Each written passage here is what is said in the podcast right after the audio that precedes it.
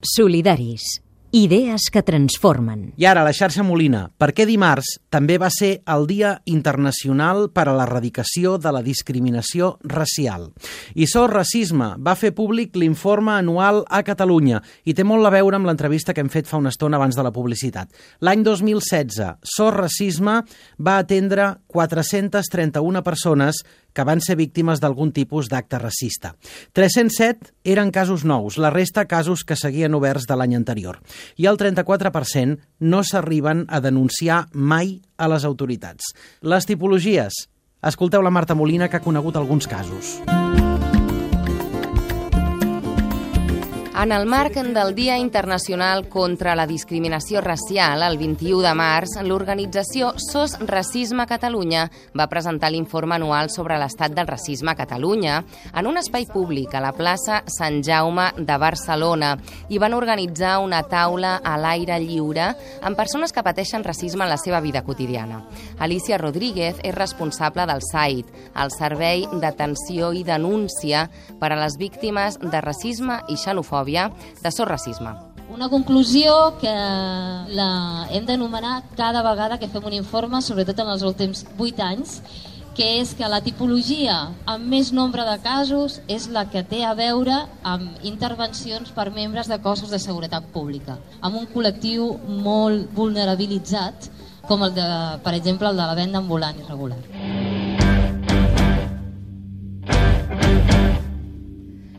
Hem sortit al carrer amb Miquel Àngel Pérez Ibrahim, coordinador de Musulmans contra la Islamofòbia, una plataforma creada per persones musulmanes per frenar l'espiral d'odi contra les mateixes persones musulmanes. Tot i que fa poc més d'un any que existeixen, han liderat lluites que no s'havien considerat fins ara, com ara la reivindicació del menú halal a les escoles. Clar, una agressió és visible, no? Quan parlem de, de racisme invisible és aquell racisme que pateixes eh, dia a dia i que és, és difícil d'evidenciar, no? com per exemple el fet que hem denunciat en relació al, a la negació per part de les institucions d'accedir a aquells drets que per les nostres característiques pròpies, la, la, de, la de musulmans, tenim recollides en, en una llei. No? I en aquest cas podríem parlar del dret que tenim a tenir una alimentació acord a les nostres prescripcions religioses en els menjadors d'escoles públiques i concertades, tal i com està recollit en la llei 26 92 que emana de la llei orgànica de llibertat religiosa i que recull uns acords de cooperació entre l'òrgan que és interlocutor en relació a la comunitat musulmana amb l'Estat. No? En aquesta llei aprovada al Parlament doncs es recull una sèrie de drets invisibilitzats i quan diem invisibilitzats és que realment ha hagut una intencionalitat clara des de les institucions de no fer evident que existeix aquella llei i, a més a més, de buscar la manera, el subterfugi sempre, de no complir-la és des de les institucions i des dels mitjans de comunicació on tenim realment més dificultat per afrontar aquesta mena de racisme.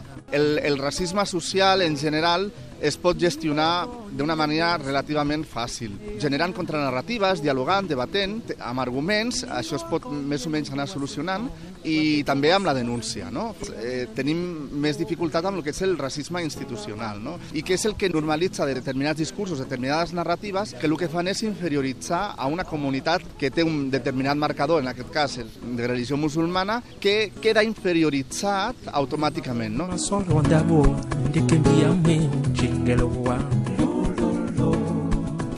I amb l'Ibrahim seguim caminant fins al Raval per trobar-nos amb un dels portaveus del sindicat de venedors ambulant de Barcelona, Aziz Fai.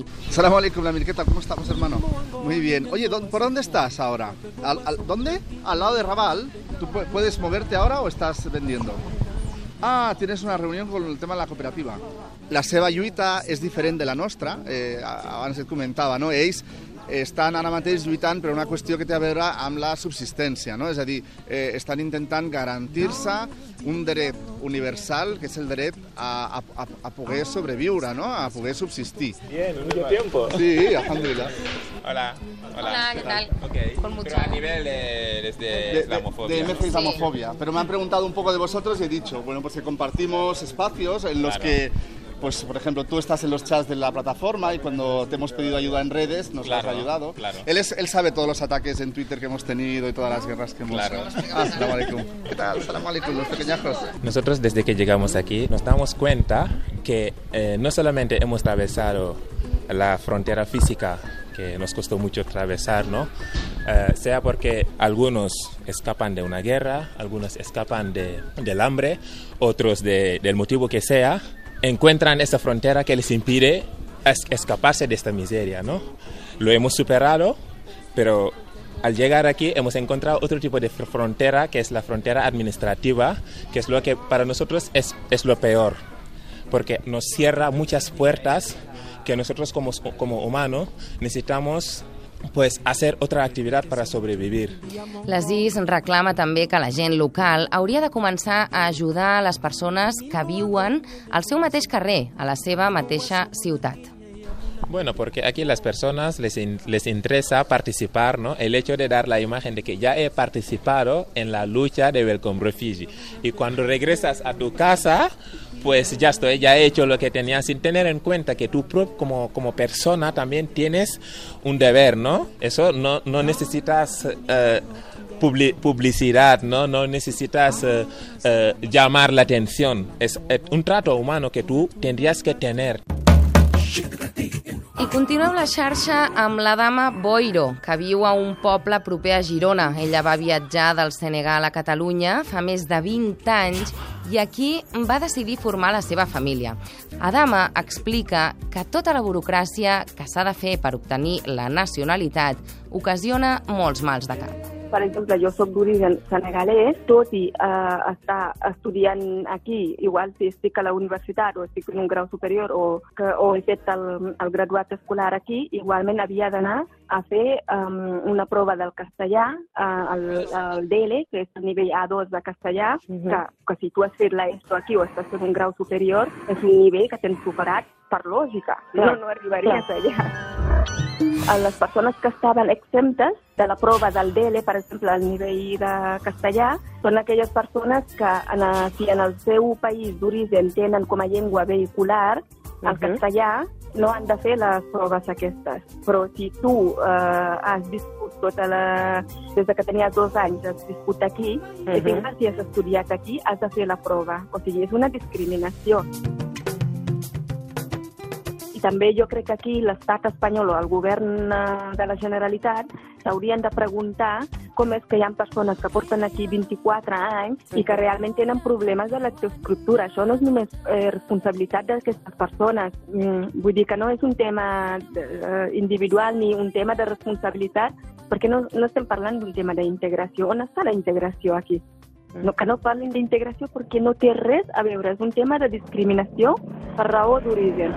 Doncs avui hem donat veu a persones que pateixen racisme institucional i burocràtic, però que al mateix temps s'estan organitzant entre elles i amb organitzacions locals per canviar aquesta realitat. Oh,